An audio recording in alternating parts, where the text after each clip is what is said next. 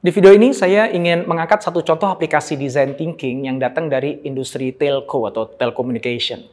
Kasus ini datang dari sebuah konsultan inovasi global MJV yang mengaplikasikan design thinking untuk salah satu perusahaan operator telekomunikasi terbesar di dunia. Nah, operator tersebut itu punya satu kelemahan terkait aktivasi SIM card.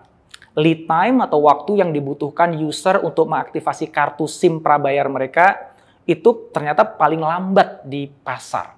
Lead time yang lambat ini jadi masalah serius yang harus mereka selesaikan ya karena mengakibatkan banyak user yang kemudian beralih ke pesaing dan akhirnya menghasilkan kerugian finansial yang nggak sedikit.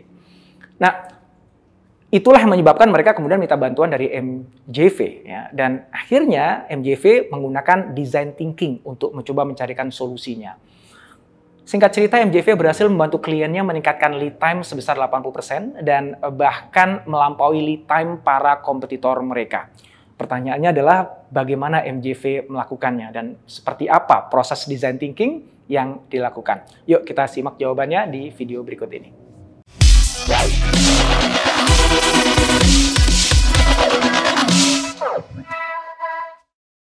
MJV mulai dengan melakukan empathize terhadap perjalanan user ketika melakukan proses aktivasi atau aspek yang menyebabkan lead time itu menjadi tidak oke okay, ya.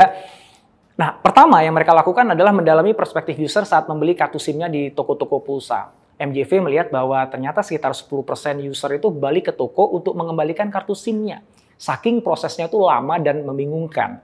10% user tersebut gagal aktivasi dan beranggapan ada yang cacat nih pada kartu SIM-nya.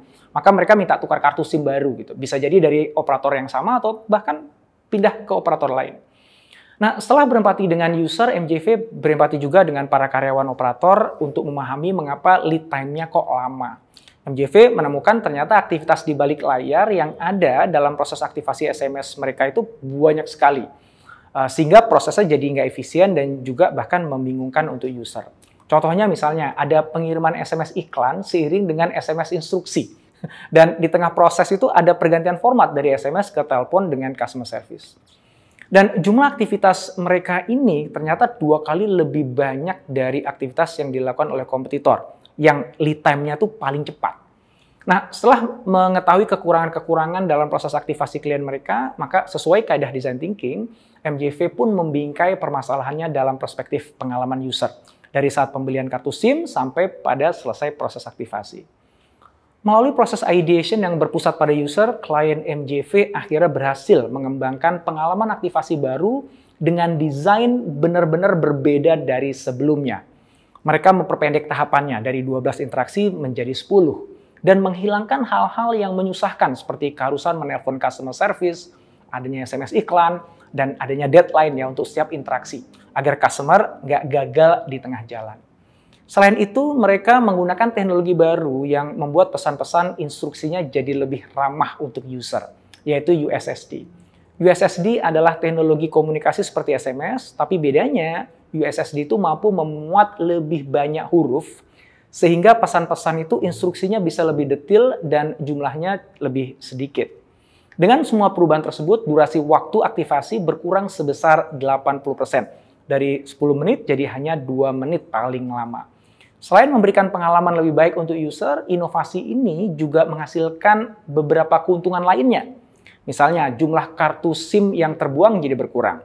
Jumlah user yang berhasil aktivasi dan menjadi pelanggan akhirnya meningkat dan lead time operator tersebut menjadi yang tercepat di pasar, sehingga akhirnya menjadikan keunggulan kompetitif dia.